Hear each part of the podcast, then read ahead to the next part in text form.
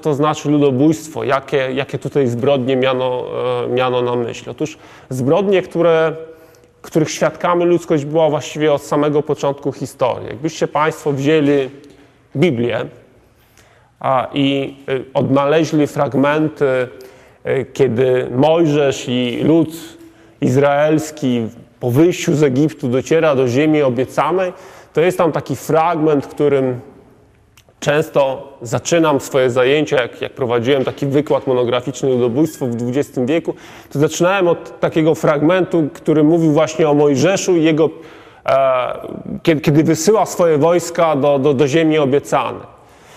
Wojska docierają, zniszczą jeden z grodów, zabijają wszystkich mężczyzn, kobiety i dzieci uprowadzają ze sobą. I dalej jest taki fragment w tej Biblii, w Biblii który, kiedy e, jest mowa o tym, że Mojżesz rozgniewał się, kiedy wojskowi wrócili, jego wojownicy wrócili do obozu. I wszyscy studenci, kiedy to e, czytam, oczekują teraz przesłania chrześcijańskiego, to znaczy skarci ich za to, że popełnili zbrodnie na mieście. Ale dalej jest co innego. Mojżesz się gniewa na wojowników, bo dlaczego pozostawiliście przy życiu kobiety i dzieci? Wolno zostawić tylko najmłodszych. Wszystkich należy wyciąć w pień.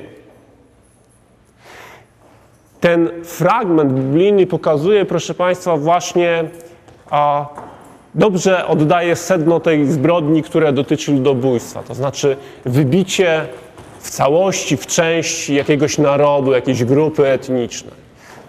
Ten fragment pokazuje również, że z tego typu zjawiskiem mamy do czynienia, mamy do czynienia właściwie w ciągu całej historii ludzkości, tak jak Państwu już wspominałem. Przecież nie ma dzisiaj Kartaginy, nie ma Prusów, nie ma Jadźwingów, nie ma Katarów. Oni wszyscy zniknęli, zostali, zostali wyniszczeni przez, e, przez, e, w, w, czasie różnego rodzaju wojen, wypraw krzyżowych i, i tym podobnych. I proszę Państwa, przejdźmy na chwilę do takiej sceny, która miała miejsce w Lwowie na Uniwersytecie Jana Kazimierza.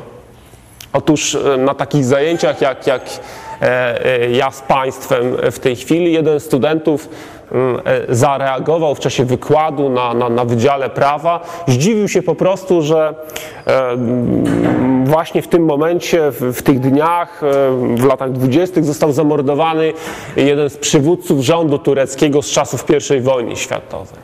Zamachowiec Ormianin tłumaczył, że to jest zemsta za zbrodnie na Ormianów, które Turcy popełnili w czasie I wojny światowej. I student mówi, no ale dlaczego on zastrzelił tego człowieka? Przecież wystarczyłoby, żeby wskazał, gdzie on mieszka i powinni go aresztować. No to profesor powiedział, zaraz, zaraz, nie jest tak prosto. Nie ma w prawie międzynarodowym takiego zapisu, który by pozwalał karać za tego typu zbrodnie na innym terenie niż te, terenie tego państwa, gdzie one zostały e, popełnione. Tak? Pan ma pyta, a pan wskazuje swoim kolegom, e, swoim kolegom miejsce. E, e, ten student nazywał się, proszę Państwa, Rafał Lemkin. I, I te wydarzenie, i te seminarium wpłynęło bardzo mocno na jego życie. Mianowicie on od tej pory zaczął się interesować problemem prawa międzynarodowego i tym, jak zapisać w prawie międzynarodowym tego typu zbrodnie, które ze względu na barbarzyński charakter powinny być zbrodniami ponadnarodowymi, ponadpaństwowymi. To znaczy, y, nie, nie powinny, nawet jeżeli zostaną popełnione w państwie X, to państwo Y czy państwo Z ma prawo za te zbrodnie ścigać tych, którzy e, e, e, dopuścili się tego typu przestępstw to właśnie on, on był, y, to był Polak żydowskiego pochodzenia, w czasie II wojny światowej e, emigrował do Stanów Zjednoczonych, tam wykładał, a prawie cała jego rodzina zginęła e, e, w, w Holokauście. Tuż po wojnie był jednym z asystentów w trakcie procesu norymborskiego, pomagał amerykańskim prawnikom w przygotowaniu aktu oskarżenia. I w dużej mierze pod jego wpływem w 1948 roku Zgromadzenie Ogólne Organizacji Narodów e, Zjednoczonych uchwaliło właśnie e, rezolucję wprowadzającą do pojęcia prawa międzynarodowego pojęcie, takie słowo wymyślone przez Lemkina, genocyd, który na język polski przetłumaczono właśnie jako ludobójstwo. I Zgromadzenie Ogólne ONZ mówiło, że czym jest ludobójstwo? To znaczy jest to taka zbrodnia, gdzie intencją sprawców było wyniszczenie w całości lub części jakiejś grupy narodowej, etnicznej, rasowej lub religijnej.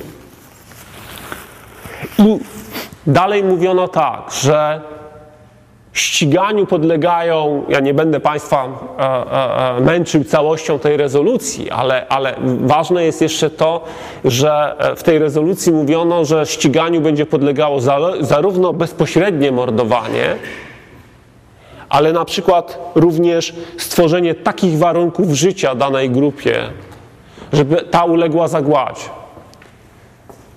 Dlaczego jest taki zapis? Bo wtedy już wiedziano, że można, że sprawcy mogą dopuścić się zbrodni nie poprzez takie bezpośrednie zabójstwo, ale poprzez takie stworzenie warunków, właśnie brak żywności, podatność na choroby, e, niemożność schronienia, że ludzie zaczną masowo wymierać sami. W tych zapisach dalej jest także mowa o tym, że jako ludobójstwo traktowane jest podkradanie dzieci jednej grupy narodowej, podkradanie, zabieranie i wychowywanie następnie w innej grupie narodowej jako ktoś zupełnie inny. Proszę Państwa, ten, e, e, e, ten, ta konwencja o ludobójstwie następnie w następnych latach właściwie w dużej mierze, albo inaczej można powiedzieć, bardzo powoli zdobywała popularność. To znaczy na przykład początkowo Niemcy byli bardzo chętnie przyjęli to konwencję o ludobójstwie, ponieważ uważali, że zbrodni ludobójstwa, e, definicje zbrodni ludobójstwa spełniają przymusowe wysiedlenia Niemców po II wojnie światowej chcieli zastosować do, do tych wypędzeń ludności niemieckiej właśnie, właśnie, ten, e, właśnie ten termin. E, z czasem coraz bardziej zaczęto utożsamiać sam termin ludobójstwo z zagładą Żydów w czasie II wojny, e, w czasie II wojny światowej. Czasami dopowiadano właśnie na przykład o rzezi Ormian. Ta sytuacja, czy inaczej, znacznie bardziej popularny ten termin stał się dopiero o dziwo w latach 90. wraz z upadkiem żelaznej e, kurtyny, wraz z momentem, kiedy kiedy przestały istnieć dwa, dwa wrogie sobie bloki, ale jednocześnie, jednocześnie doszło do niezwykle krwawych konfliktów etnicznych. A mam tu na myśli przede wszystkim, przede wszystkim wojnę w Rwandzie, gdzie doszło w 1994 roku do masowych mordów na Tutsi, a także w 90, wtoczoną w latach 95, 92, 95 wojnę w Jugosławii. Tam właśnie w 1995 roku Serbowie zamordowali kilka tysięcy bośniackich mężczyzn w Srebrenicy. Pod wrażeniem tej zbrodni, bo te zbrodnie w Rwandzie czy, czy, czy w Jugosławii, jak Państwo sami możecie się przekonać na licznych filmach fabularnych, które powstały i które pokazują te wydarzenia, ponieważ to wszystko działo się, można powiedzieć, wokół, e, właśnie wokół kamer, wokół kamer wpłynęły y, bardzo mocno na opinię międzynarodową. Zaczęto coraz e, e, częściej sięgać po ten termin ludobójstwo. Powołano specjalny międzynarodowy trybunał karny, który zaczął sądzić na przykład zbrodnie w Jugosławii i właśnie w zbrodnie w Srebrenicy uznał za, e, za spełniającą definicję ludobójstwa. E, proszę Państwa, to, jest, to był bardzo ważny werdykt, e, e, werdykt sądu, Trybunału. Dlaczego o tym powiem jeszcze, jeszcze powiem za moment. I teraz proszę Państwa, jakie w związku z tym, jakie w związku z, albo inaczej, przez, tak jak Państwu powiedziałem, przez wiele lat jako taki synonim uważano ludobójstwo równa się zagłada Żydów, inne zbrodnie niekoniecznie spełniają tę definicję. Tu wiele osób zwracało z kolei uwagi, że nie jest to satysfakcjonujące podejście, no bo przecież, e, e, no bo przecież w tej definicji, którą Państwu nawet fragmenty przytaczałem, jest mowa o tym, żeby że nie tylko zagłada w, e, w całości jednego narodu, a taki był plan sprawców Niemiec nazistowskich. Chcieli zgładzić wszystkich Żydów pod słońcem, jeśli można tak powiedzieć, ale w tej definicji ONZ-owskiej zapisano, że także zagłada w części danej grupy etnicznej czy narodowej także jest już zbrodnią ludobójstwa. W związku z tym mówiono dalej, także inne zbrodnie popełniane na innych narodach spełniają taką definicję.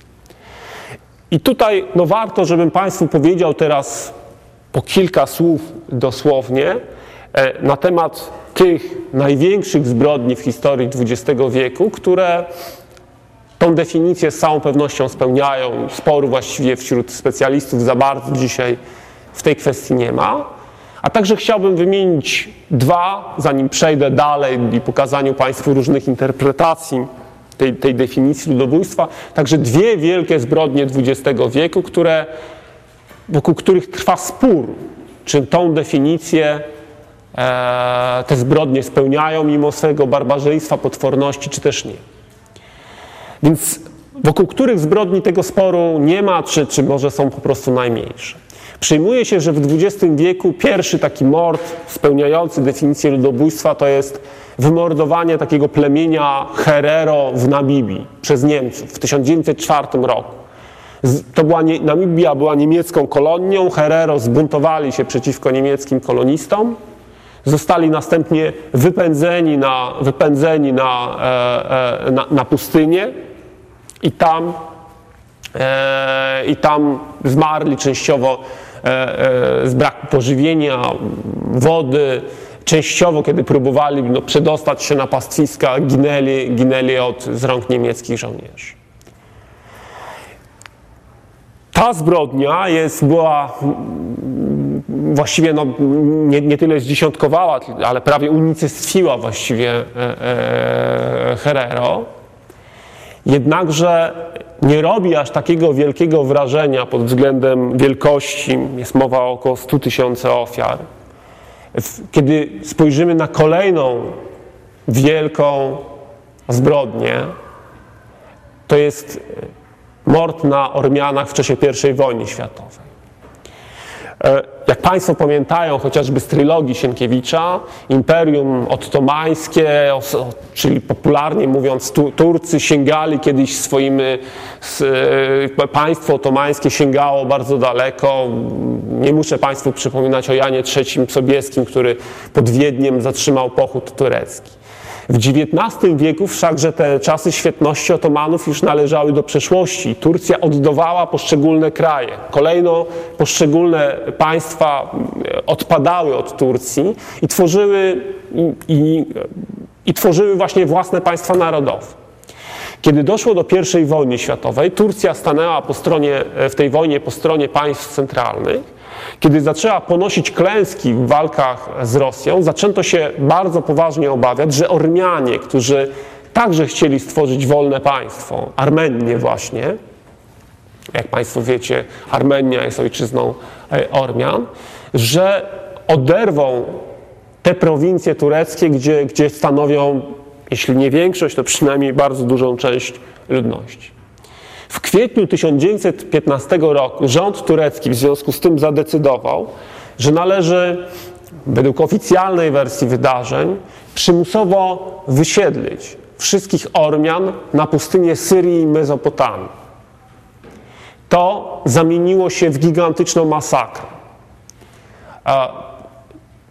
Teoretycznie miano wysiedlić tych ludzi na, na pustynię, ale po drodze nie zapewniano im oczywiście żadnych godnych warunków życia, w związku z tym ginęli z głodu, z pragnienia. Ba, mało tego, ponieważ powszechnie zdawano sobie sprawę, że Ormianie zostali de facto skazani na zagładę, że władze tureckie wydały na nich cichy, ale wyrok śmierci.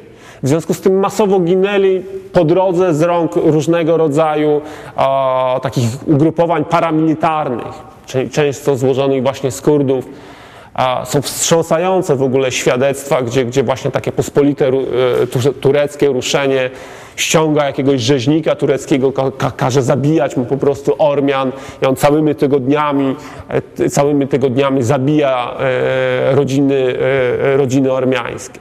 Ci, którzy docierają na, na te pustynie Syrii i Mezopotamii, tam z kolei giną z pragnienia i, i głodu. Zasada była taka, że wolno przeżyć tylko dzieciom do lat pięciu właściwie. Dlaczego dzieciom do lat pięciu? Ponieważ one, kiedy weźmie się je do tureckiego domu, to one po prostu zapomną o tym, że kiedyś były Ormianami, nie będą o tym pamiętały. Oczywiście czasami brano również starsze dzieci, yy, yy, młode dziewczęta porywano do, do, do jakichś tureckich domów. I do dzisiaj właściwie w Turcji nagle się okazuje, że w jakichś rodzinach, że o, na przykład babka w tej rodzinie okazuje się, że jest, mm, e, że była kiedyś Ormianką. Ona to sobie po latach przypomina. I cała rodzina jest zdziwiona, ponieważ ona ukrywała swoją swoją tożsamość przez, przez dziesięciolecia właściwie, to wszystko jest jeszcze taka trauma po tej, po tej wielkiej zbrodni. Według różnych danych zginęło wówczas od miliona do półtora miliona Ormian. To było rzeczywiście, można powiedzieć, takie pierwsze wielkie, wielkie e, e, ludobójstwo XX, XX wieku. E, kolejna zbrodnia, co do której e, e, no nie ma żadnej wątpliwości, że spełnia tą definicję, co więcej, część, kiedyś wielu badaczy, a dzisiaj niektórzy nawet, nawet dzisiaj niektórzy badacze dalej, uważają, że, że to jest właśnie jedyne ludobójstwo, to jest oczywiście zagłada Żydów. Tu znowu parę słów, proszę Państwa, na, na, na, na ten temat, bo, bo, warto wiedzieć, żebyście Państwo wiedzieli po prostu takie podstawowe fakty na temat tej, tej zbrodni. Otóż e, narodowi socjaliści, którzy doszli do władzy w Niemczech w 1933 roku, e, przyjmowali e, ich, świato, ich światopogląd był światopoglądem rasistowskim. Oni po prostu dzielili ludzi, uważali, że ludzie nie są równi, ale, ale właśnie są nierówni, że są lepsi i gorsi w zależności od ras.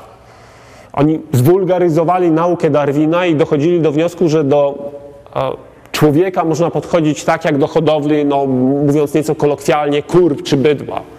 Znaczy, czyli, że są lepsze i gorsze raz. Do, tej, do tych najgorszych zaliczyli Żydów, których uznali w ogóle za taką zakałę ludzkości, że kontakt w ogóle jakikolwiek z nimi szkodzi, szkodzi innym. W związku z tym zakazane były jakiekolwiek małżeństwa, a, a co więcej, kiedy yy, początkowo w planie nazistowskim mówiono tylko o tym, że Żydzi zostaną pozbawieni praw obywatelskich, że należy ich po prostu gdzieś wypędzić, osiedlić na Madagaskarze albo na przykład, yy, albo na przykład yy, za Uralem. Z czasem jednak coraz bardziej naziści, choć znowu nie tak oficjalnie, zamieniali swój program taki oficjalny odizolowania Żydów od innych ludzi na program masowej zagłady. E, w 1941 roku, kiedy Niemcy uderzyły na Związek Sowiecki, rozpoczęli ten właśnie program masowej zagłady już wprost realizować.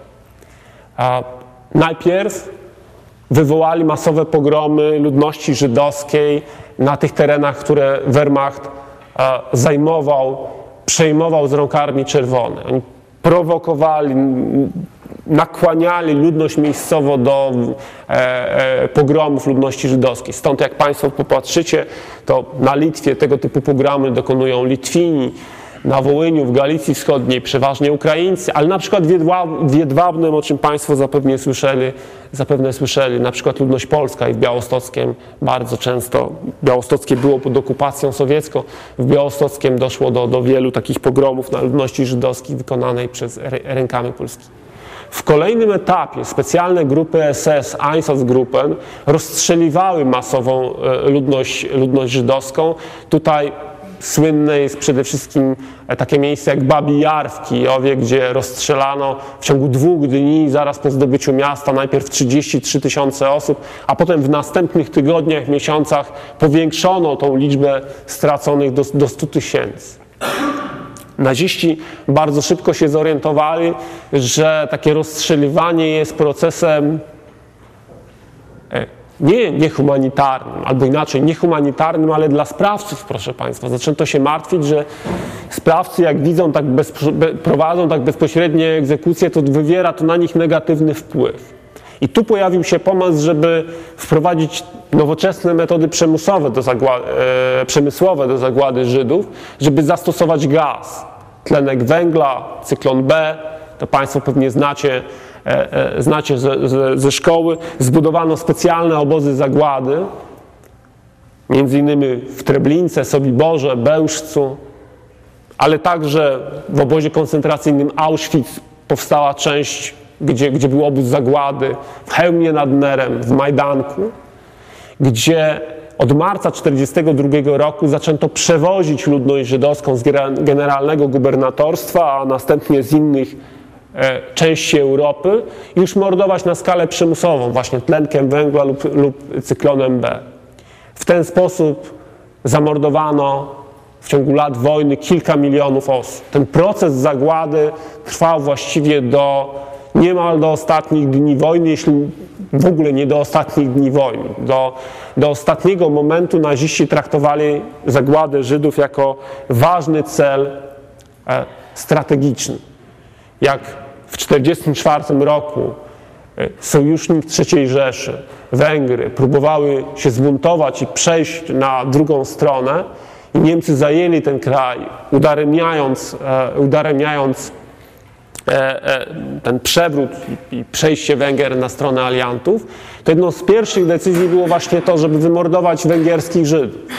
To była jedna z pierwszych decyzji y, y, nazistów, mimo że Armia Czerwona, Armia Czerwona, Armia Sowiecka była tuż, tuż i przede wszystkim na niej, na walce z nią należało, należało się, e, wydawałoby się przede wszystkim, przede wszystkim skoncentrować. Proszę Państwa, ta zagłada Żydów, to też warto sobie uświadomić, dotyczyła wszystkich osób, którzy mieli jakiekolwiek korzenie żydowskie, czyli w tym wypadku inaczej niż, niż e, wcześniej przy Ormianach, nie można było na przykład wziąć dziecka żydowskiego.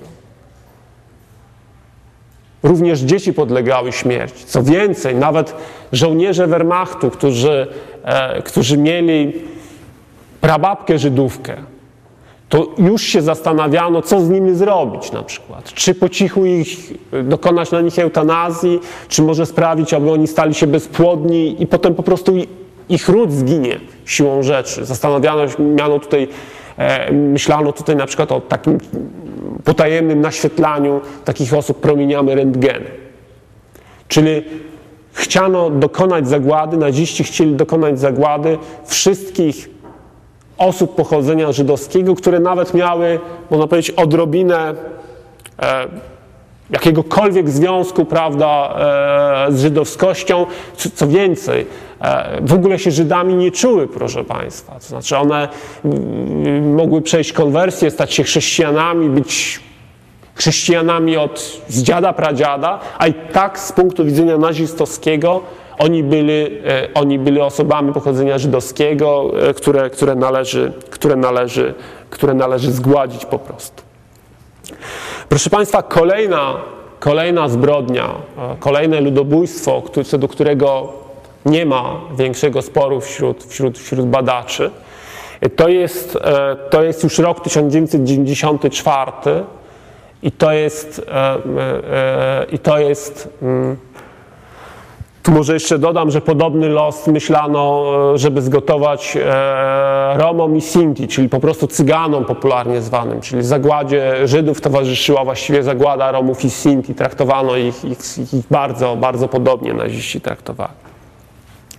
W 1994 roku, tak jak Państwu powiedziałem, w Rwandzie doszło do kolejnego wielkiego e, ludobójstwa. Rwanda jest zamieszkiwana przede wszystkim przez dwa narody, przez Tuzi i Hutu.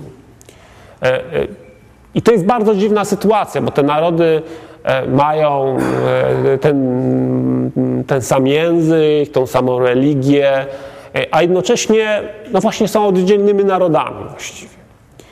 Przez wiele lat tak było, że Tutsi byli taką klasą wyższą, a Hutu byli w, Hutu byli w, mniej uprzywilejowanej pozycji. Wykorzystywali to kolonizatorzy, którzy specjalnie wprowadzili do dowodów osobistych taki zapis, że ktoś jest tutu, czy Hutu. W ten sposób, w ten sposób sprawiali, że Tutsi pomagali im no, w kontroli nad, nad ludnością Hutu. Kiedy doszło do e, e, dekolonizacji, kiedy Rwanda stała się państwem niepodległym, oczywiście role się odwróciły, bo Tutsi byli mniejszością. I teraz Hutu byli, stali się tą warstwą dominującą, która zaczęła, zaczęła prześladować, prześladować e, Tutsi. W latach 90. wiele, wiele tysięcy w wyniku tych prześladowań, prześladowań wiele tysięcy Tutsi musiało opuścić kraj. W latach 90. powstał tak zwany Rwandyjski Front Patriotyczny, który powiedział, nie no, dosyć, dosyć tych prześladowań w Rwandzie. Musimy zmienić w Rwandzie rządy i wprowadzić równe prawa dla wszystkich, dla Tutsi, dla Hutu. Ten rwandyjski front patriotyczny był no, zdominowany wszakże przez tych Tutsi, którzy byli na wychodźstwie. Kierował nim e, Paul e, Kagame i on rozpoczął wojnę z rządem, e, z rządem zdominowanym przez Hut. Po kilku latach tej wojny domowej zaczęto myśleć o zawarciu jakiego, jakiegoś porozumienia, czemu oczywiście zaczęła się sprzeciwiać gwałtownie znaczna część Hutu, obawiając się no, powrotu uchodźców Tutsi. I wówczas Hutu zaczęli przygotowywać właśnie plan wielkiego zmasakrowania ludności Tutsi. Sprowadzano e, tysiące, tony całe e, e, maczet. Chciano chciano, no, e, postanowiono dokonać tej zbrodni właśnie przy pomocy takich, głównie takiej paramilitarnej formacji, milicji Interhame. Przez dłuższy czas w propaganda, propaganda rządowa i, i między innymi takie, takie radio, które wówczas w Rwandzie nadawało swoje audycje, wyraźnie wzbudzały nieufność Hutu wobec Tutsi, podkreślała bardzo mocno, że Tutsi właściwie nie są ludźmi. Bardzo często się pojawiało określenie karaluchi na określenie, na określenie Tutsi. To jest też, proszę Państwa, jeden z takich wyróżników, że za moment może dojść do ludobójstwa, kiedy, kiedy zaczyna się dehumanizować człowieka, jakąś grupę narodową czy, czy, czy, czy etniczną. Bo sprawcy też mają sumienia. Oni żeby, żeby zabić tych drugich, żeby zabić tych drugich, muszą tych drugich najpierw, e, najpierw w, swoim, w swoim wręcz e, wyobrażeniu zdehumanizować, sprawić, żeby oni się stali, no jeśli nie w ogóle nie ludźmi, to przynajmniej mniej ludźmi, mniej ludźmi zasługującymi na życie. Ta propaganda przez całe miesiące przez, przez całe miesiące przekonywała Tutsi, e, przekonywała Hutu, żeby, żeby właśnie z Tutsi najlepiej, najlepiej by było mm, no, rozwiązać, e, rozwiązać ten ich konflikt za pomocą radykalnych, zbrodniczych, e, zbrodniczych metod. Kiedy w kwietniu 1994 roku został w wyniku zamachu, do dziś nie wiadomo kto go dokonał, zestrzelony samolot, e, na którym, w którym leciał prezydent Rwandy, prezydent Habyarimana, to wówczas uznano to za sygnał do rozpoczęcia masakry Tutsi. Państwo możecie to oglądać na, na, na, na, na filmach fabularnych, nie wiem, czasem w kwietniu, czy Hotel Rwanda chociażby, czy, czy, czy Shooting Dogs, e, gdzie to jest bardzo dobrze e, pokazane. Rzucono hasło ściąć wysokie drzewa. I pod tym hasłem, e, e, pod tym hasłem rozumiano właśnie zagładę Tutsi. Zaczęto e, w całej Rwandzie, wszędzie tam, gdzie Hutu rządzili, prześladowania Tutsi. Zorganizowano po wioskach specjalne milicje, które przeszykiwały wioski. Na skrzyżowaniach dróg stały posterunki, które wyłapywały ludzi. Przypominam, w dowodach było wpisane, czy ktoś jest Tutsi, czy Hutu. Jeśli był Tutsi, to natychmiast był odstawiany na bok i, e, e, e, i zabijany. Kobiety albo zabijano, albo zarażano AIDS. Formowano specjalne brygady, specjalne brygady e, gwałcicieli chorych na AIDS i co najbardziej szokujące, e, stworzyła je minister do spraw ochrony rodziny. To ona była pomysłodawczynią tego typu, mm, tego typu e, ludobójczych metod. Te, te masowe masakry Tutsi trwały przez trzy miesiące, aż RP, ofensywa RPF pokonała, pokonała Hutu. Wielu z nich uciekło potem do, do Konga. Część z nich także z kolei zginęło w wyniku, w wyniku e, e, potem masakr do, dokonywanych w odwecie z kolei przez Tutsi. E, natomiast w Rwandzie zaczął rządzić e, e, nowy rząd kierowany przez, przez prezydenta Kagame który rządzi zresztą Rwandą, Rwandą po, po dzień dzisiejszy. W wyniku tych masakr, proszę Państwa, w ciągu tych trzech miesięcy zamordowano od 800 do tysięcy, do, do, miliona, do miliona ludzi. To są, proszę Państwa, te wielkie zbrodnie, co do których wątpliwości nie ma. Teraz. Ja mam pytanie, czy ofiary tego wielkiego głodu na Ukrainie, do tego, do tego chcę właśnie przejść. Do tego chcę, e, do tego chcę przejść. Ja nie mówię chronologiczne, to, to, e, to od razu Państwu mówię, mówię, e, mówię bardziej problemowo. Teraz są dwa ludobójstwa, co do których historycy, badacze, naukowcy różnego typu spierają się, czy to jest ludobójstwo, czy to nie było ludobójstwo. Zacznę znowu niechronologicznie, a więc od lat 70., a więc od, od zbrodni Czerwonych Khmerów w Kambodży. W 1975 roku, w 1975 roku władze w Kambodży objęli czerwoni kmerzy. To była partyzantka komunistyczna. Na jej czele stał Salot, e, Salot e, Sar, zwany Polpotem po prostu, Polpot. Były student Uniwersytetu w, Sor w Sorbonie, w Paryżu, a więc znakomitej, znakomitej e, europejskiej uczelni. On stał na czele e, e, kampuczańskiej partii komunistycznej. Bardzo chętnie przejmował e, taki maoistowski model, model komunizmu. I dzięki między innymi temu, co, co działo się tuż za granicą, czyli wojnie w Wietnamie, Czerwoni Kmerzy w 1975 roku pokonali wojska dyktatora e, Elon Nola i objęli władzę w całym kraju, ogłaszając e, powstanie no właśnie komunistycznej Kambodży.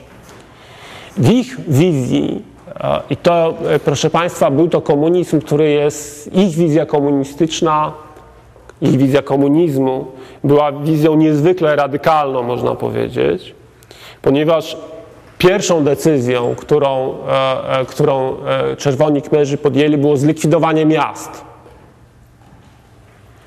Wysied stolicę Phnom Penh całkowicie wysiedlono, wysiedlono ludność na wieś.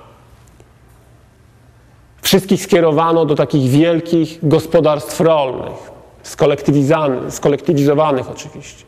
Zlikwidowano własność prywatną, zdelegalizowano religię. Wyznawanie jakiejkolwiek religii stawało się czynem zabronionym, za co groziła kara śmierci. Zlikwidowano szkoły, szpitale, pocztę, miasta, tak jak Państwu powiedziałem.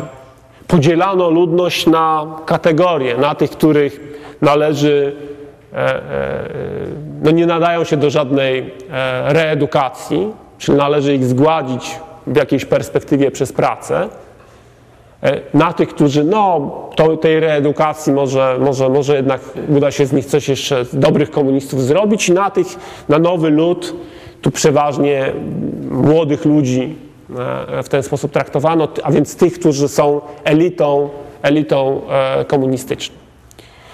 Na, na karę śmierci, tak patrzę, od razu widzę, że o, na przykład pan, pan, pani, pani, nie macie żadnych szans w państwie czerwonych kmerów już pierwszego dnia, mówię, na pierwsze, pierwsze nie, nie, pani wyżej. wskazałem wszystkie osoby, wskazałem wszystkie osoby, które noszą okulary, proszę Państwa, bo noszenie okularów było uznawane za po prostu burżuazyjny przeżytek i to groziło karą śmierci. Tacy ludzie ginęli. Prawie, prawie nie przeżył prawie żaden lekarz, prawie żaden absolwent uniwersytetu. Oni wszyscy traktowani byli jako zarażeni burżuazyjnymi, yy, no, burżuazyjnymi yy, takimi naleciałościami. Co więcej, uznawano, proszę Państwa, że prawdziwy komunista czynem zmienia świat. W związku z tym operacje prowadzono, bo po prostu ty będziesz prowadził operację.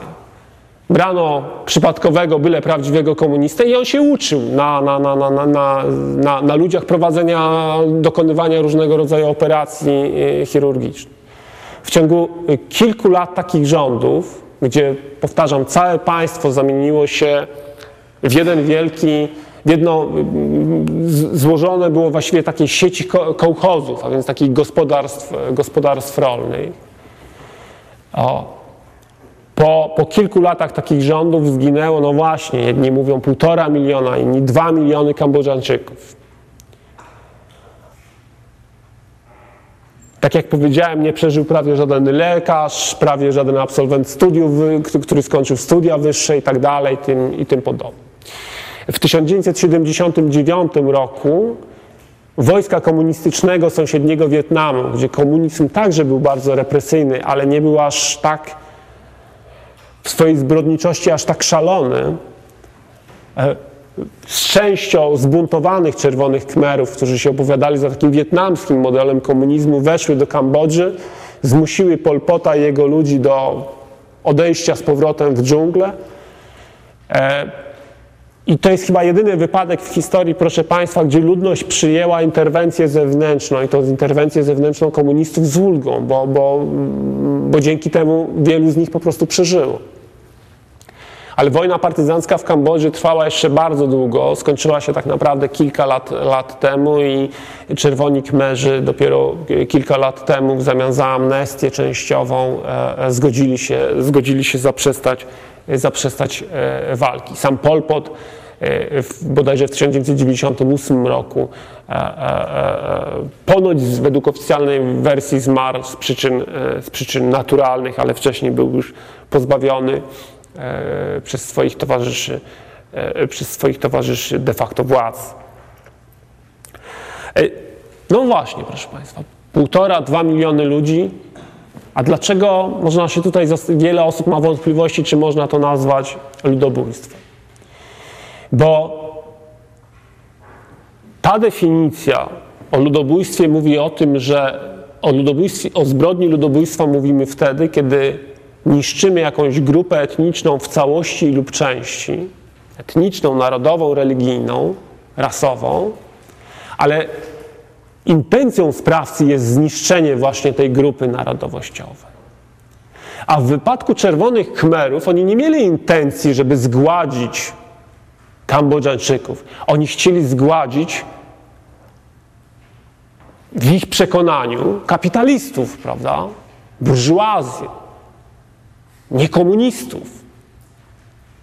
I to jest paradoks, że nagle się okazuje, że tą definicję ludobójstwa w wypadku czerwonych Kmerów spełniają e, zbrodnie popełnione przez nich na przykład na mniejszości narodowej wietnamskiej albo na jednym z plemion, który jeszcze dodatkowo nie, został zmasakrowany przez czerwonych, zostało ono zmasakrowane przez czerwonych Kmerów, a jeszcze dodatkowo wyznawało islam. To tym bardziej pobudzało nienawiść czerwonych Kmerów do, do nich.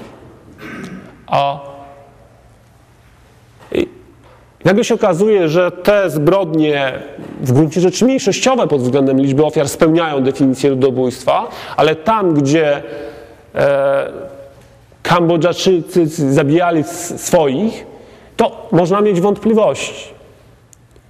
To oczywiście wynika z faktu, że w 1948 roku e, Związek Sowiecki nie zgodził się, żeby jako ludobójstwo zapisać zbrodnie, gdzie e, ofiary zostają sklasyfikowani według e, kategorii społecznej, czyli no właśnie jako burżuazja na przykład. Tu dotykamy kolejnej sprawy, kolejnej sztandarowej zbrodni XX wieku, to znaczy, o co Pan zapytał, wielkiego głodu na Ukrainie w latach, w latach 30. Proszę Państwa, na początku, właściwie w 1929 roku Związek Sowiecki postanowił skolektywizować całe, wszystkie gospodarstwa rolne. Do tej pory gospodarstwa rolne były indywidualne, były w prywatnych rękach. W 1929 roku Stalin powiedział dosyć, wszyscy tworzą kołchozy lub sowchozy, łączą się, tworzą takie gospodarstwa wspólne. Na czym to polegało? no trzeba oddać konie, krowy, swoją ziemię do kołchozu. W zamian za to w najlepszym wypadku ma się jakąś niewielką działkę i chodzi się na pole do pracy tak, jak dyrektor kołchozu nakazuje. W zamian za to, w zamian za to po pewnym czasie otrzymywało się pensję, ale w latach 30. W zamian, za, w zamian za taką pracę otrzymywano tylko i wyłącznie część własnych produktów e, rolnych. Czyli to, co kołchoz wypracował, to częściowo właśnie jakąś żywność przekazywał swoim, swoim pracownikom w, w, ramach, w ramach wynagrodzenia. Jak Państwo się domyślacie, tego typu proces kolektywizacji nie, nie został przychylnie przyjęty przez, e, e, przez rolników, nawet gdyby to była operacja czysto e, no, prowadzona czysto humanitarnymi metodami, to i tak rolnicy by się sprzeciwiali, ponieważ zabierano im po prostu własność. Natomiast to była operacja bardzo brutalna, to była brutalna pacyfikacja, gdzie w dodatku z góry założono, że część, tych, część rolników, teoretycznie najbogatszych, których określano jako kołaków, należy wyniszczyć. Uznawano, że tych kołaków jest powiedzmy 5-10% wśród rolników i oni powinni zostać po prostu deportowani do łagrów. Oni nawet nie mają prawa zostać w kołchozie, oni powinni być wyniszczeni. I to był pierwszy etap, to był właściwie takie preludium do wielkiego głodu na Ukrainie. W latach 30-32 w całym Związku Sowieckim tą kolektywizację przeprowadzono. Rolnictwo stało się właśnie rolnictwem skolektywizowanym. E, rolnicy zaczęli pracować na tych wspólnych, wspólnych działkach. I jak Państwo się domyślacie, gwałtownie spadła ilość wytworzonych produktów rolnych, no bo e, no jaki sens miało z punktu widzenia rolnika pracowanie na, na, na, na, na polu po to, żeby żywić innych, gdzie za tą pracę otrzymywało się tylko tyle, żeby przeżyć, żeby przeżył on i jego rodzina. No to wywoływało poczucie, no po co będę pracował, po co będę przesadnie zabiegał, zabiegał o, e, o porządek w tym gospodarstwie, o, tym, o to, żeby, e, żeby ta praca była mm, E, żeby wykonywać tą pracę solidnie, jeśli w zamian za to dostanę tylko, tylko nieco, nieco pożywienia. Na to nałożyła się jeszcze, proszę Państwa, e, klęska suszy. I w efekcie w 1932 roku na Ukrainie, ale także na przykład w Kazachstanie, doszło do wielkiej klęski głodu. Skoro doszło do suszy, to gwałtownie spadły i tak obniżone wskutek kolektywizacji a plony, plony zbóż przede wszystkim. Natomiast komuniści żądali, żeby, żeby oddawać do państwowych punktów skupu określone kontyngenty zboża. Uznawano, że załóżmy, jak jest dany kołchoz, no to on musi oddać kołchoz X musi oddać 100 ton zboża. I dalej mówiono, dopiero jak odda te 100 ton, to resztę może wziąć na swoje własne potrzeby. No dobrze, ale ten kołchoz wyprodukował 50 ton zboża. Wszystkie te zboże im zabrano. Co więcej, komuniści zaczęli głosić, że to nie jest tak, że jest jakaś susza, bo przecież ci rolnicy jakby się postarali, to by, to by wyciągnęli spod ziemi to ziarno. To po prostu źli, burżuazyjni wrogowie komunizmu schowali te zboże. Oni się buntują, to jest dowód na bunt przeciwko władzy radzieckiej. I całe regiony otoczono wojskiem i powiedziano, nigdzie stąd nie macie prawa wyjeżdżać, oddajcie te zboże. Wy, wy paskudni szkodnicy, prawda, komunizmu. Zaczęto organizować obławy, przeszukiwano gospodarstwa i najpierw zabierano tylko zboże. Jeżeli znaleziono chociażby troszkę pszenicy, owsa, czegokolwiek, to zabierano. Przy kolejnych przeszukiwanach wprowadzono już tak zwany ekwiwalent, czyli na przykład zabierano ziemniaki, chleb, cokolwiek. Wszystko, co nadawało się do jedzenia. Pod hasłem musicie oddać kontyngent. Dopiero potem resztę możecie dla siebie zachować. Co w tej sytuacji rolnicy robią? Jak głodują, a widzicie na przykład pole jest kołchozowe, gdzie, gdzie, gdzie, rośnie, gdzie rośnie żyto. Co się nasuwa pierwsze? No pójdę tam, urwę trochę tych kłosów zboża, chociaż troszeczkę zmielę dla siebie, dla dzieci.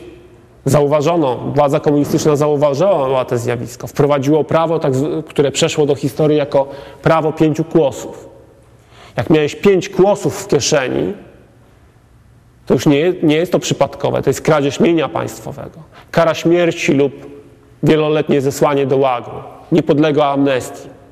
Za pięć kłosów zerwanych. I proszę Państwa, w wyniku e, oczywiście tego typu e, metody poskutkowały tym, że w latach 32-33 na Ukrainie zmarło 3-3,5 miliona ludzi dochodziło do aktów kanibalizmu, ludzie umierali no, masowo. W Kazachstanie zmarło następny milion. To były dwa takie regiony, gdzie, gdzie ten głód był najbardziej, najbardziej widoczny. I teraz znowu, dlaczego jest pytanie, czy to było ludobójstwo, czy nie? Ukraińscy historycy mówią, no nie przypadkiem ten głód wybuchnął na Ukrainie. Stalin chciał ukarać Ukraińców jako Ukraińców. A w związku z tym, jeśli chciał ukarać Ukraińców jako Ukraińców, to, a, no to spełnia definicję ludobójstwa. Rosyjscy historycy odpowiedzą, ależ skąd? To jest ahistoryczne. Wielki Głód był po prostu sumą błędów, ślepego doktrynerstwa władzy komunistycznej, która chciała za wszelką cenę wprowadzić swoje, komu- swoje komunistyczne wizje w życie i no, tej władzy nagle się tak zdarzyło, że tych kilka milionów ludzi zmarło. Prawda? Oczywiście oni się zachowali w sposób zbrodniczy, bezduszny i tak dalej, ale nie chodziło im o wymordowanie części Ukraińców. Po prostu to był terror wymierzony w chłopów. Bez patrzenia, czy oni są Ukraińcami, e, Kazachami, czy kimkolwiek innym. A skoro są chłopami i jako chłopi podlegają represjom, to to już nie jest ludobójstwo, bo to nie jest grupa narodowa, etniczna, religijna, prawda? To jest grupa społeczna. A y, ukraiński historyk profesor Stanisław Kulczycki zaproponował z kolei taką interpretację, że do połowy 1932 roku można uznać, że Wielki Głód nie jest ludobójstwem, że ma ten charakter społeczny. Ale w połowie 1932 roku, i tu powołuje się na list Stalina, gdzie Stalin pisze, inaczej. W połowie 1932 roku władze komunistyczne na Ukrainie się zorientowały, że no nawet do nich w końcu dotarło, że nie ma tego zboża schowanego. W związku z tym zaczęły tak delikatnie sugerować czynnikom wyższym na Kremlu, także w końcu Stalinowi, że może by tak jednak zmniejszyć te kontyngenty i coś tym głodującym ludziom podesłać, bo, bo, bo jednak chyba sabotażystów nie ma. I Stalin odpowiedział wówczas takim ostrym listem na tego typu sugestie. Ależ skąd? Znaczy, ja oczywiście parafrazuję. Mówi, stracimy Ukrainę, jeżeli w jakikolwiek sposób złagodzimy nasz kurs e, wobec, wobec Ukrainy. Tam wszędzie są poukrywani wrogowie. Należy ich wszystkich zlikwidować. Inaczej tą Ukrainę stracimy. I Kulczycki powołując się na ten list mówi, od połowy 1932 roku ten wielki głód przestaje być właśnie takim ślepym, przypadkowym terrorem komunizmu wobec, wobec chłopów. Staje się terrorem wobec Ukraińców jako Ukraińców. Znaczy, Stalin postanawia wykorzystać Wielki Głód do tego, żeby wszelki potencjał buntu na Ukrainie po prostu zniszczyć właśnie za pomocą głodu. I niektórzy dodają, jest skuteczny, bo po tej lekcji wielkiego głodu, to wschód Ukrainy, tam gdzie ten wielki głód panował od tej chwili, będzie najbardziej, a, a, najbardziej spokojny z punktu widzenia komunizmu. On się już przeciwko komunistom nigdy nie zbuntuje. A przed 1932 rokiem bunty chłopskie w tym regionie przeciwko komunistom wybuchały bardzo, e, bardzo często.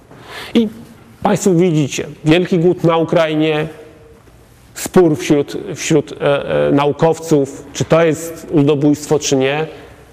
Kambodża, Kambodża tak samo. Nie muszę dodawać, że na przykład druga wielka zbrodnia II wojny światowej, czyli na przykład zagłodzenie kilku milionów jeńców Armii Czerwonej nie jest, nie jest ludobójstwem, a, ponieważ e, nie zagłodzono ich jako grupę narodowo-etniczną, tylko jako jeńców armii, jako jeńców Armii Czerwonej. Niemcy, Niemcy to zrobili w pierwszych, w pierwszych, dniach, w pierwszych dniach wojny. E, proszę Państwa, powiedziałem Państwu, że bardzo ważne znaczenie miał e, wyrok w sprawie zbrodni w Srebrenicy w 1995 roku. Srebrenica była takim, była miastem, klawą, gdzie, gdzie ONZ miało zapewniać bezpieczeństwo. Serbowie jednak jak w 1995 roku rozpoczęli ofensywę, to właściwie zmusili wojska ONZ-u do, do, do, do wyjazdu. E, holenderskie oddziały zbrojne, które miały bronić tej, tej, tej, tej, tej enklawy, w ogóle okryły się wówczas no, hańbą. Doszło potem do zmiany, do zmiany y, y, wręcz y, rządu z tego powodu. E, I następnie podzieliły tą ludność na kategorie, to znaczy mężczyzn skazali na rozstrzelanie, prawie 8 tysięcy osób rozstrzelano. W czasie procesu przed Międzynarodowym Trybunałem Karnym postawiono odpowiedzialnym za to zbrodnie zarzut ludobójstwa. Ten generał serbski bronił się przed tym zarzutem, mówiąc, że no, no ale przecież to nie jest takie wielkie ludobójstwo, prawda? Tu zginęło 8 tysięcy osób. Na co sędzia powiedział przytomnie, a jaka liczba zamordowanych zadowoliłaby pana, żeby nazwać to ludobójstwem? Ostatecznie Trybunał uznał, że to było ludobójstwo i ten wyrok dlaczego ma takie istotne znaczenie? Bo proszę Państwa jest sygnałem pewnej zmiany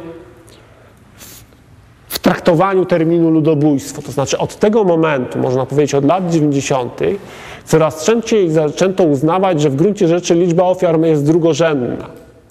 Że nawet jak liczba ofiar idzie w tysiące, kilka, kilkanaście tysięcy, ale może nawet i setki osób, a intencją sprawców jest właśnie doprowadzenia do nieistnienia jakiejś grupy narodowej, etnicznej, rasowej, i to uda się dowieść, to wówczas możemy mówić o zbrodni ludobójstwa. To ma bardzo ważne znaczenie na przykład dla naszych polskich dyskusji, ponieważ właśnie w Polsce tego typu interpretacje powszechnie się przyjmuje, proszę Państwa. Znaczy uznaje się, że jeżeli jakiś czyn dotyczy nawet i kilkudziesięciu osób, jeżeli kilkadziesiąt osób zostało zabitych, ale sprawcy weszli nie dlatego, żeby się zemścić za coś, nie dlatego, żeby kierowani na przykład bandytyzmem, ale po prostu kierowani nienawiścią rasową, etniczną, narodową i chęcią, żeby tych ludzi unicestwić tylko i wyłącznie z tego powodu, to należy taką zbrodnię uznać za ludobójstwo. I tutaj jest kilka, no wskażę Państwu szybko takich kilka przykładów, gdzie, gdzie zbrodni na, na, na Polakach, gdzie możemy uznać, popełnionych w czasie II wojny światowej, gdzie możemy uznać, że to było ludobójstwo. To jest na przykład akcja AB. To z, pod terminem akcja AB mam na myśli nie tylko rozstrzelanie na początku 40, 1940 roku przez Niemców kilku tysięcy przedstawicieli polskiej inteligencji, ale Wcześniej, jesienią 1939 roku, kilkudziesięciu tysięcy przedstawicieli po polskiej inteligencji na Pomorzu, w Wielkopolsce przede wszystkim, także na Śląsku. Oczywiście Niemcom nie chodziło, na, Niemiec, Niemcom, nazistom nie chodziło o to, żeby wymordować wszystkich Polaków, ale oni chcieli wymordować polską elitę, część, a pozostałych Polaków częściowo wysiedlić gdzieś za Ural, a częściowo zamienić właściwie w taką tanią siłę roboczą, w naród niewolników.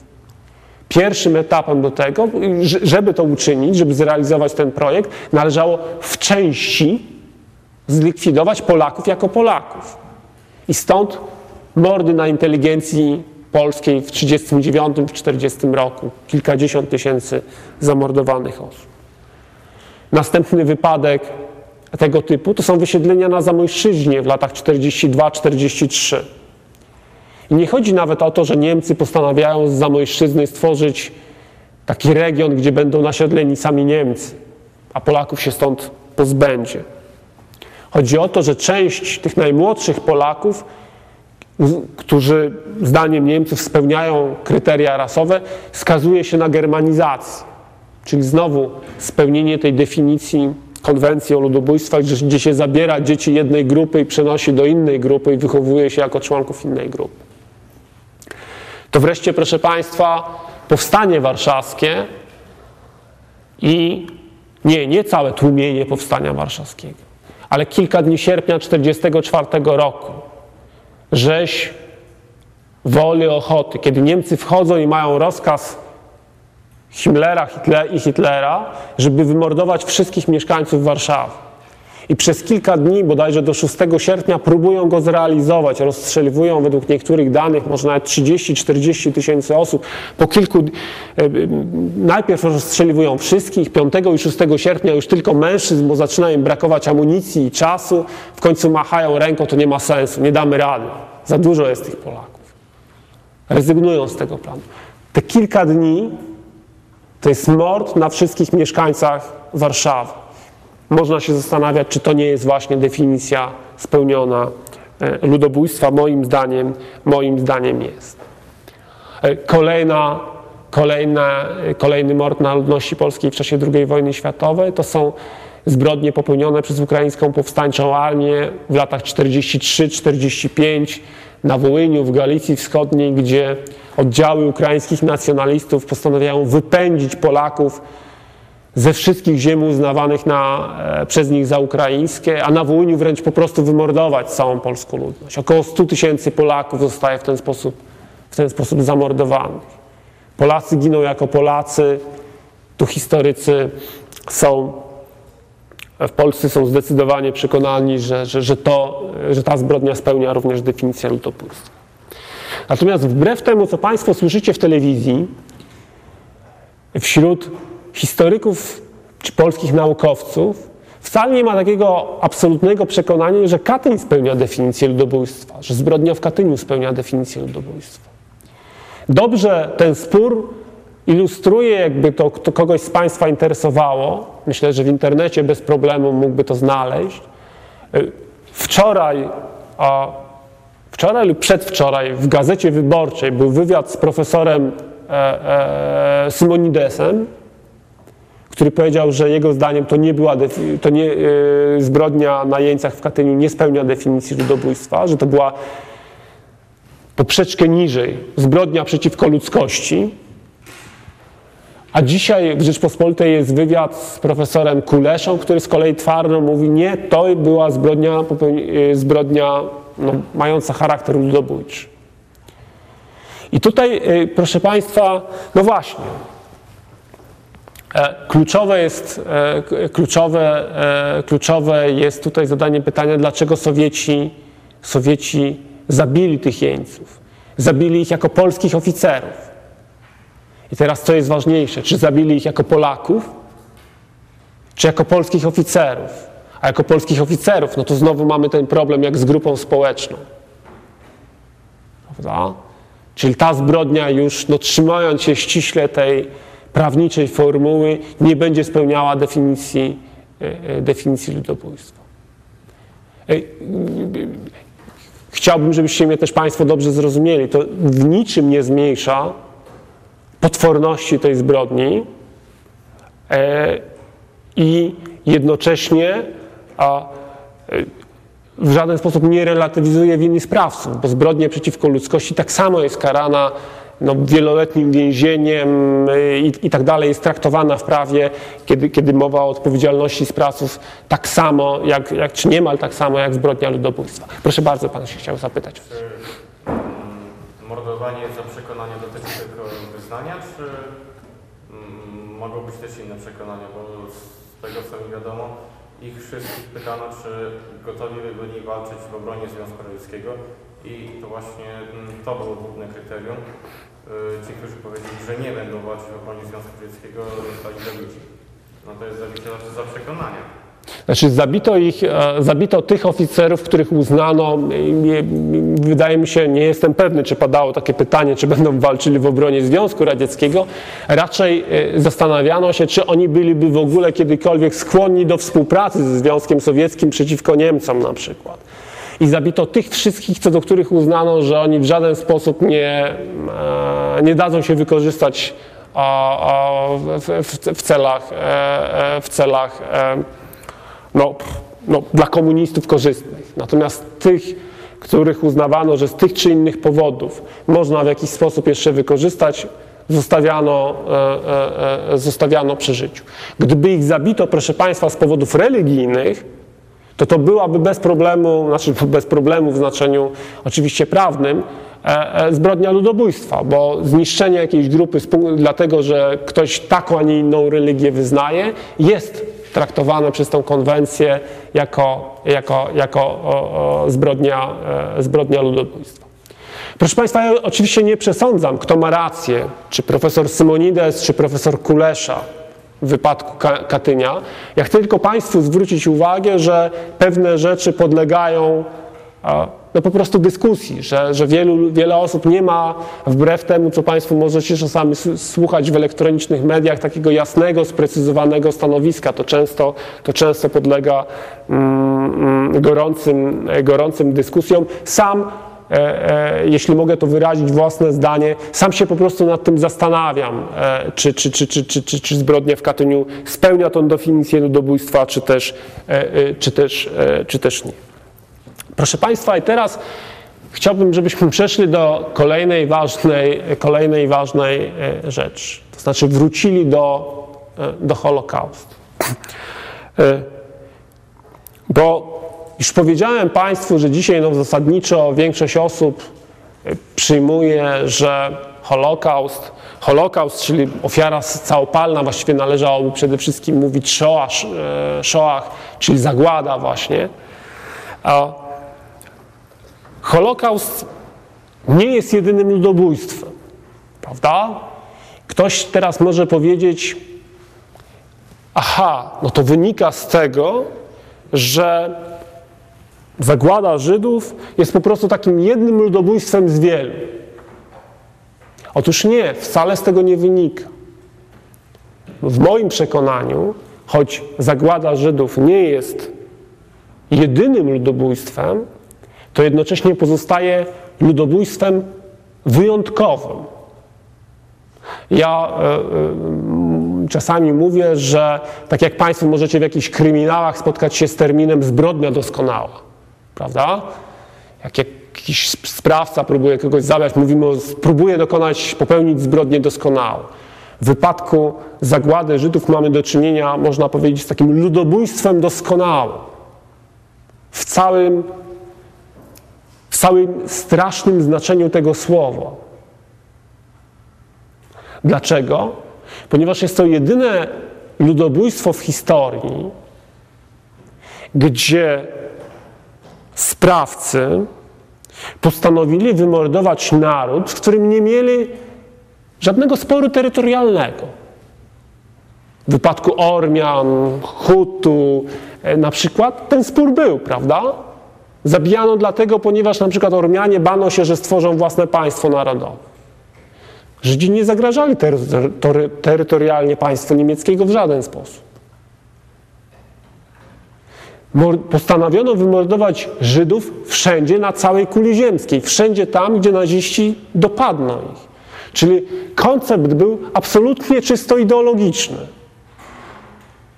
Po prostu uznano, można powiedzieć w takiej parareligii nazistowskiej, że ten naród należy skazać na całkowitą zagładę, wszędzie gdzie jest. I dam Państwu parę przykładów takich konkretnych, e, e, e, konkretnych zachowań nazistów, które wyraźnie na, tym, na to wskazują. E, grupa, nie wiem, kilka, kilkanaście tysięcy Żydów mieszkała na terenach chińskich, które były pod okupacją japońską. I proszę sobie wyobrazić, druga wojna światowa. Niemcy walczą na śmierć i życie, walczą o przeżycie, prawda? Ale Niemcy pamiętają o tym i proponują Japończykom sugerując, że mogą im zapłacić za to, żeby tych Żydów z wybrzeża chińskiego wywieźć barkami na morze i zatopić. Są gotowi za to zapłacić. Nawet o tych Żydach chińskich pamiętają. Jak Państwo pojedziecie na przykład na Rodos, na wyspę bardzo blisko Turcji, polecam, piękne miejsce na ziemi, a to znajdziecie tam obelisk ku czci e, wspólnoty żydowskiej, która została wymordowana na Rodos. Ona została wywieziona z tej wyspy e, do obozów koncentracyjnych, być może do Auschwitz, nie wiem tego dokładnie, nie chcę Państwa wprowadzić w błąd ale proszę zwrócić uwagę na datę, kiedy to się stało. To jest rok 44. Niemcy walczą o przeżycie na plażach Normandii. A pomimo to z Rodos zadają sobie trud, żeby kilka tysięcy Żydów, którzy w żaden sposób nie zagrażają ich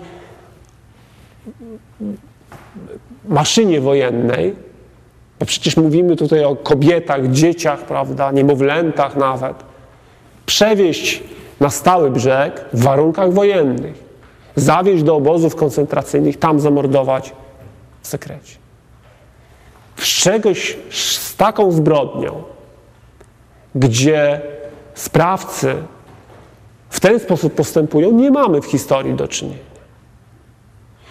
Czynią to, tak jak już powiedziałem, niemal do ostatnich czy do ostatnich dni wojny. W Budapeszcie końcu grudnia 1944 roku na rogatkach stoją, stoją oddziały Armii Czerwonej. Rozpoczyna się oblężenie Budapesztu, które potrwa do, do, do lutego. A jeszcze w grudniu 1944 roku trwają egzekucje Żydów w Budapeszcie. Znowu ludzi, którzy to nie są partyzanci, to jest ludność cywilna, to są kobiety, dzieci, na wszystkich się poluje.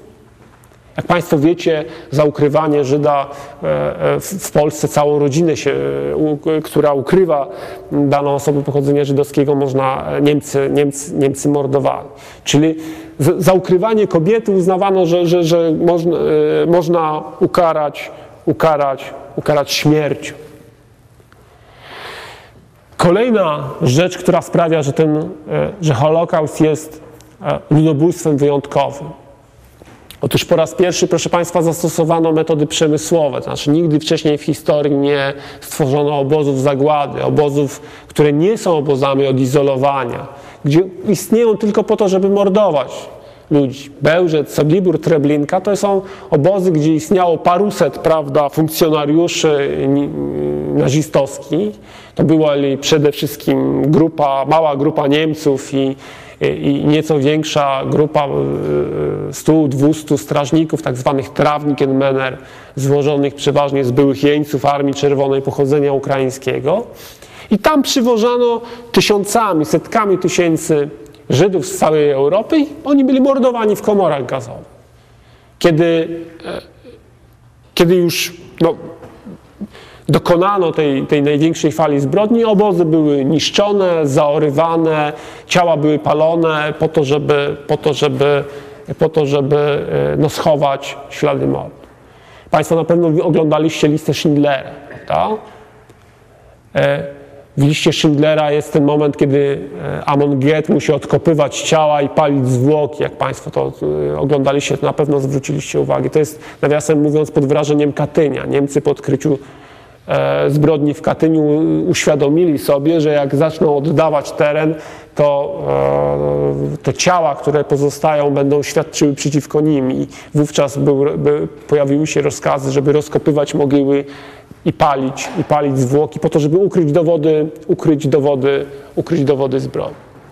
Co więcej, ten Holokaust był do tego stopnia misternie, proszę Państwa, przemyślany, że stosowano bardzo perfekcyjne metody e, nacisku psychologicznego. Można, metody, które wychodziły spod ręki psychologów po prostu. Na przykład na drogę dawano często chleb. W ludziach pojawiało się naturalne odczucie, dają nam chleb, to przecież nie będą nas mordować. A jak Państwo wiecie, w obozach koncentracyjnych, jak wchodziło się do komór gazowych, to wydawało się, że się idzie do łazień bardzo często. Nie wiem, Państwo oglądaliście pianistę? No. Jest tam taka scena, z pozoru kompletnie absurdalna. kiedy grupę robotników żydowskich zatrzymuje oficer SS, każe im się wszystkim położyć i potem tak na chybił trafił, rozstrzeliwuje kilku z nich. Przykład barbarzyństwa? Tak. Zbrodni? Tak. Sadyzmu? Tak. Kompletnie bezmyślnego? Nie. Dlaczego nie? Ponieważ właśnie taka, taki brak sensu ma sparaliżować ofiary. Bo kiedy, proszę Państwa, sprawcy działają według jakiegoś schematu, to ofiary mogą. One też obserwują. Aha, schemat jest taki, to ja mogę spróbować tego uniknąć. Ale jeżeli nie ma schematu, jeżeli nie rozstrzeliwuję co trzeciego, ale co drugiego, a tamtego i piątego, a tego, bo mi się nie spodobał, no to jak uniknąć zagłady, prawda? To były z pozoru rzeczy, tak jak Państwo oglądaliście pianistę, możecie powiedzieć, no, no, no, no straszna scena, jednocześnie kompletnie bezcelowy mord. Nie, to jest właśnie element takiego wyrafinowanego, zbrodniczego, psychologicznego nacisku na ofiary, żeby stłamsić ich jeszcze bardziej. Tego typu z pozoru bezsensowny mord, tym bardziej, tym bardziej ofiary e, paraliżuje właściwie.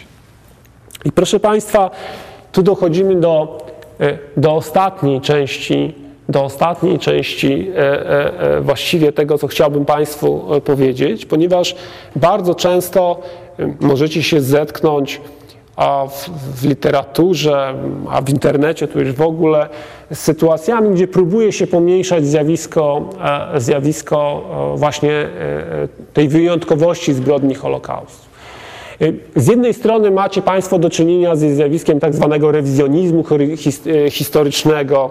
Niektórzy mówią też, jest paragraf wręcz prawny o kłamstwie oświęcimskim, gdzie jest taka tendencja e, w niektórych państwach, na przykład w Iranie, wręcz e, traktowana jako taka państwowa wykładnia, że Holokaust to w ogóle była po prostu jedna z wielu licznych zbrodni, zbrodnia oczywiście tak, ale jedna z wielu licznych, że w ogóle nie ma się czym przejmować, że to po latach po prostu zostało tak rozpropagowane, żeby, e, e, żeby pomóc państwu Izrael w walce, w walce ze światem arabskim i że e, w ogóle większość przekazów na temat Holokaustu to są, to są po prostu rzeczy wymyślone, wyolbrzymione i tak dalej, i tym, i, i tym podobne.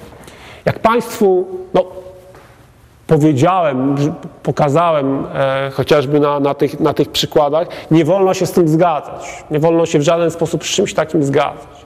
Chociaż przychylam się do opinii, że zagłada Żydów nie była jedynym ludobójstwem, to jednocześnie podkreślam jeszcze raz, była ludobójstwem wyjątkowym w historii. I o tym należy pamiętać.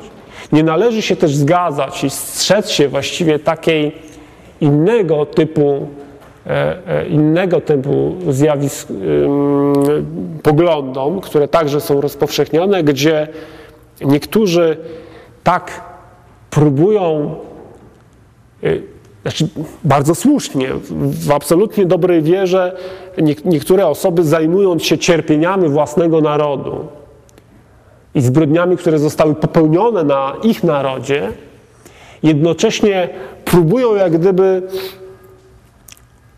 w cudzysłowie podkraść nazewnictwo Holokaustu e, po to, żeby e, podkreślić własne cierpienia. Kiedy mówią, że Wielki Głód był ludobójstwem, okej, okay, można się z tym zgodzić, bo to jest pewien przepis praw. Ale już sytuacja, kiedy na Ukrainie możecie Państwo znaleźć książki pod tytułem Holokaust głodowy czy Holokaust Ukraińców, no to już budzi to ogromne emocje, bo to jest jak gdyby takie przeciwstawienie, postawienie znaku równości pomiędzy wielkim głodem a, a zagładą Żydów. Tak samo, kiedy Państwo słyszycie, nie wiem, Holokaust Polaków na Wołyniu, ale na przykład Niemcy mówili o Holokauście bombowym na określenie cierpień ludności cywilnej pod wpływem pod, pod no, bombami aliantów. Alianci w czasie II wojny światowej bombardowali otwarte niemieckie miasta, zabijali tysiącami rzeczywiście niemieckich cywilów, ale kiedy mówimy na, na to zjawisko, używamy terminu holokaust bombowy, to w gruncie rzeczy stawiamy taki znak równości, że cierpienia tej niemieckiej ludności były takie same jak, jak, cierpienia, jak cierpienia Żydów. Także z tym, także z tym e, nie, należy, nie, należy się, e, nie należy się e, w moim przekonaniu oczywiście godzić. Ja sądzę, że wszystkie osoby, które używają tego typu terminów, niechcący robią, robią krzywdę no, sprawie, którą, której służą z dużym niejednokrotnie przekonaniem, poświęceniem. Należy do tych osób, które jak najbardziej opowiadają się za tym, żeby, żeby jak, jak najwięcej mówić o wielkim głodzie, chociażby na Ukrainie. Uważam wielki głód, że raczej spełnia definicję ludobójstwa. Rzeczywiście. Natomiast kiedy no, używamy tego terminu Holokaust, to już w gruncie rzeczy robimy tej sprawie upowszechnieniu informacji o wielkim głodzie, o tej wielkiej komunistycznej zbrodni więcej, e, więcej szkody niż, e, więcej szkody niż, e, niż pożytku. Czy są jakieś pytania do mnie, proszę Państwa?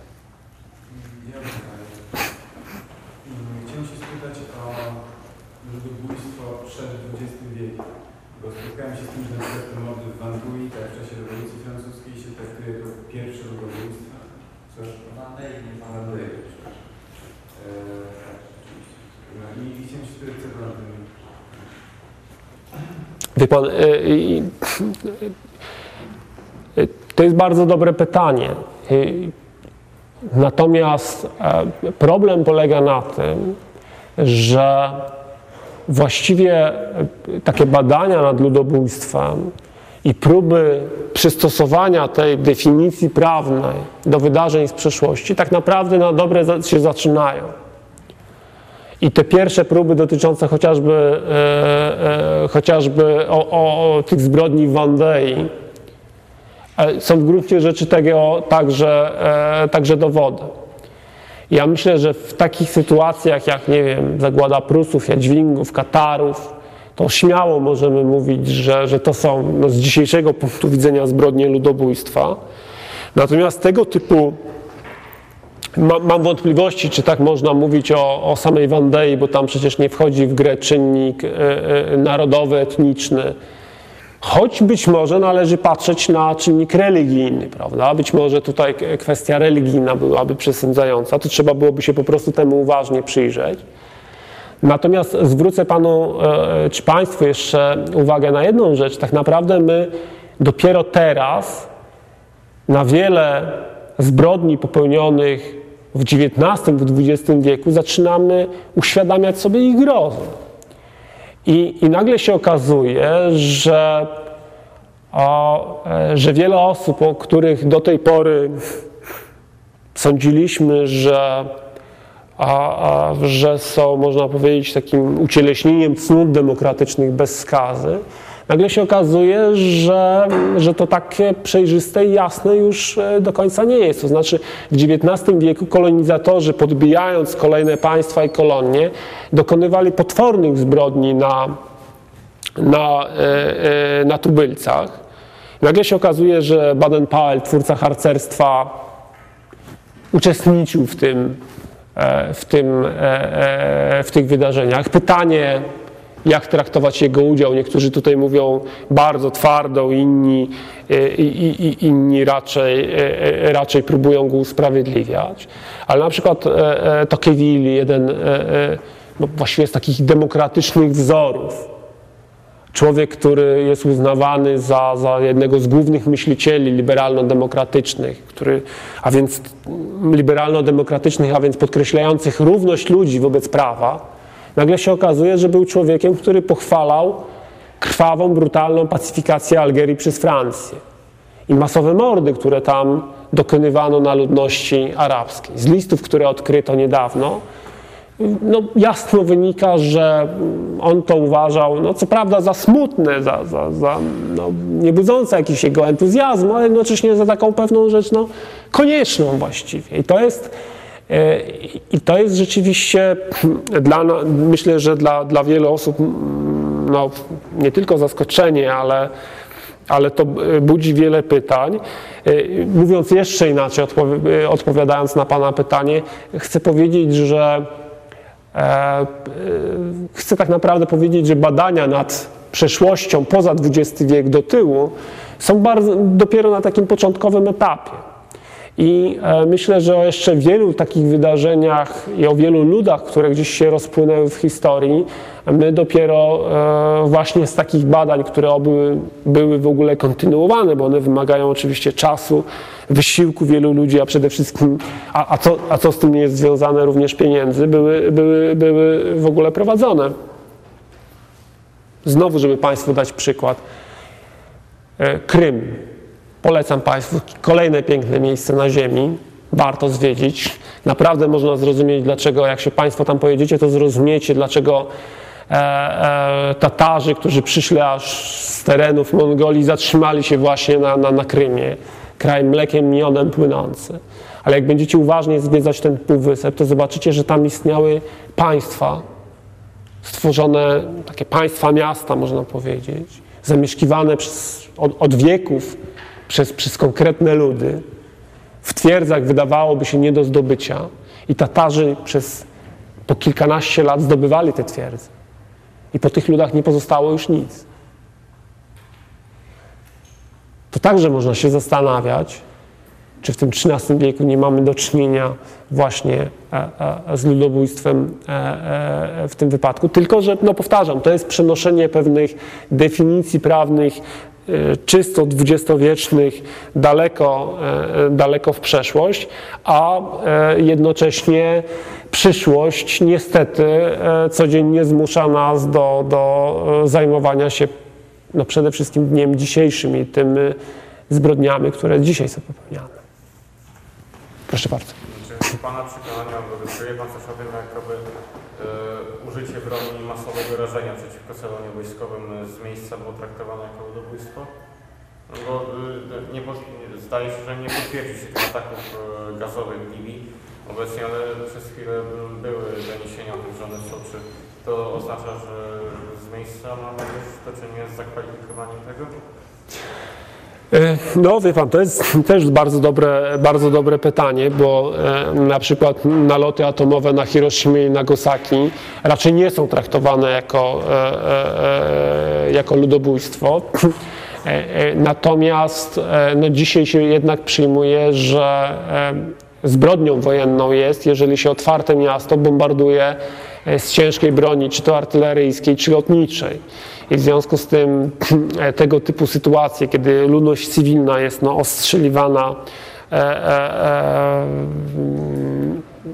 na przykład w Libii, ale, ale mieliśmy to także do czynienia w innych punktach e, globu, wówczas no, to natychmiast jest, jest, jest traktowane przede wszystkim jako, jako zbrodnia wojenna.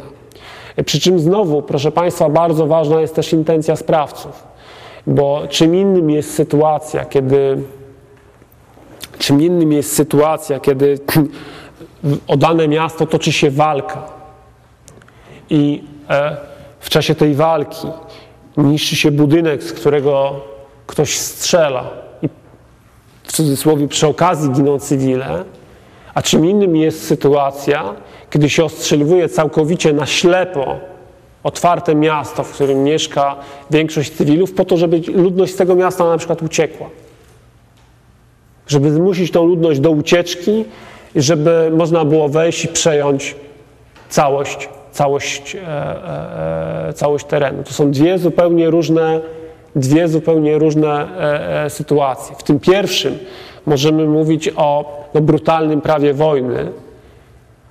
W tym drugim mamy do czynienia z ewidentną już e, e, zbrodnią, e, zbrodnią wojenną. I tutaj można to cofnąć się do II wojny światowej, do tych nalotów bombowych państw alianckich. One były no, specjalnie wymierzone w ludność cywilną. To znaczy alianci z góry założyli, że ponieważ ich naloty na, na zakłady przemysłowe okazywały się w dużej mierze nieskuteczne, to postanowiono tak bombardować całe kwartały, żeby e, Jak się da, to oczywiście uszkodzić fabrykę, ale jak się nie da, to przynajmniej sparaliżować transport i dowóz do tej fabryki ludzi, zabić jak najwięcej robotników e, tej e, fabryki, a jeśli nie robotników, to oni tak jeśli zginą ich e, rodziny, to będą zajęci swoim nieszczęściem przez jakiś czas, czyli tak i tak ten, produkcja przemysłowa upadnie. Czyli zamysł był no, wojskowy, ale w gruncie rzeczy no, mający taki zbrodniczy jednak e, posmak, zakładający, że uderzy się po prostu brutalnie w ludność cywilną po to, żeby obniżyć potencjał przemysłowy III Rzeszy. To do dzisiaj budzi duże kontrowersje. Turcja nie uznaje ludobójstwa, organ za ludobójstwa. Czy państwa islamskie o tym wspierają? Y tego przyznam, szczerze, tego przyznam szczerze nie wiem, natomiast państwa islamskie e, e, e, raczej trzymają się razem, w związku z tym nie zdziwiłbym się, gdyby, gdyby tak rzeczywiście było. Tu dotknął Pan bardzo ważnego, ważnego problemu i w ogóle sporu pomiędzy Turcją i Armenią o ludobójstwo. E, właściwie stosunki e, ormiańsko-tureckie po dzień dzisiejszy są z tego powodu e, zamrożone. W Turcji osoby, które twierdzą, że doszło do ludobójstwa, są niejednokrotnie no, prześladowane czy, czy, czy skazywane, przez, skazywane przez sądy. Państwo oficjalnie no, temu przeczy. Natomiast zwrócę, zwrócę Państwu uwagę na to, że że też ten termin niejednokrotnie jest traktowany z takim wyraźnym politycznym wyrachowaniem, bo de facto Stany Zjednoczone oficjalnie też nie uznają e, e, zbrodni na Ormianach za ludobójstwo. Dlaczego? Bo Turcja jest ważnym sojusznikiem. Ale od wielu lat Stany Zjednoczone uznają za ludobójstwo Wielki Głód na Ukrainie.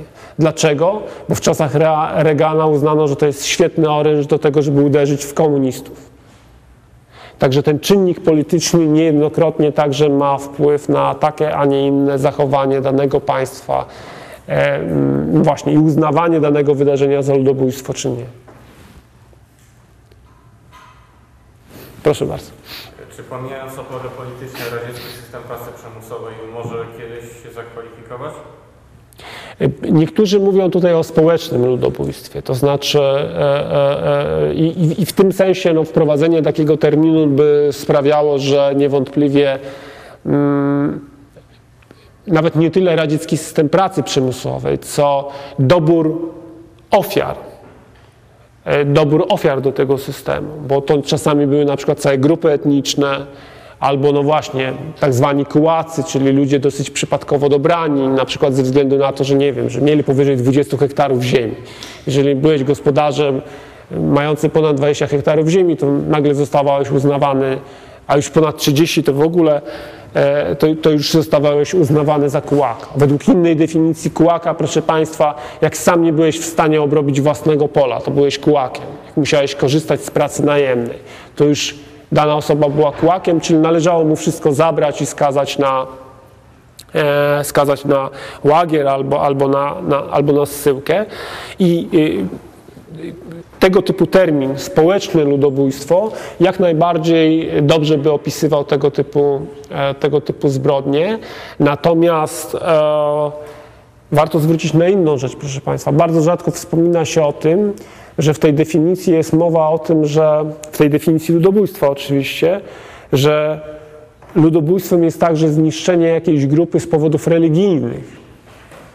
I w związku z tym zbrodnie popełniane przez komunistów, na przykład na cerkwi prawosławnej, w latach 20-30 rozstrzelano ponad 40 tysięcy księży prawosławnych, albo na przykład na cerkwi grekokatolickiej mogą być uznane za ludobójstwo, ponieważ bolszewicy, komuniści próbowali doprowadzić do unicestwienia religii. I w związku z tym ta definicja w tym wypadku by, by, by pracowała, jeśli można tak powiedzieć. Proszę bardzo. Można wykorzystać to, że komuniści uważali samoistnienie pojęcia narodu za niebezpieczne i wszystkie narody, że sami się wyrzekli swojej narodowości wszystkie narody chcieli zrównać? Y, ja myślę, że, że nie tyle y, pojęcie naród uważali za, za niebezpieczne, co rzeczywiście w ich takim wielkim marzeniu było, żeby kiedyś stworzyć jeden wielki, wielki związek, gdzie, gdzie, gdzie wszyscy będą a, e, no właśnie posługiwali się mniej więcej tymi samymi pojęciami komunistycznymi. Także, także raczej chodziło o zlanie tych narodów w jeden, w jeden taki naród komunistyczny, właśnie sowiecki, e, sowiecki w domyśle.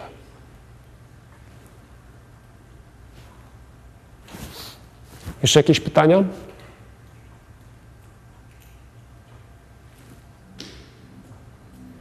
Nie widzę. Dzisiaj Państwa no, pokatywałem strasznymi rzeczami. Mam nadzieję, że e, e, e, mam nadzieję, że a nie, nie będę, nie będę mówił. Wszystkiego dobrego życzę Państwu. Do widzenia.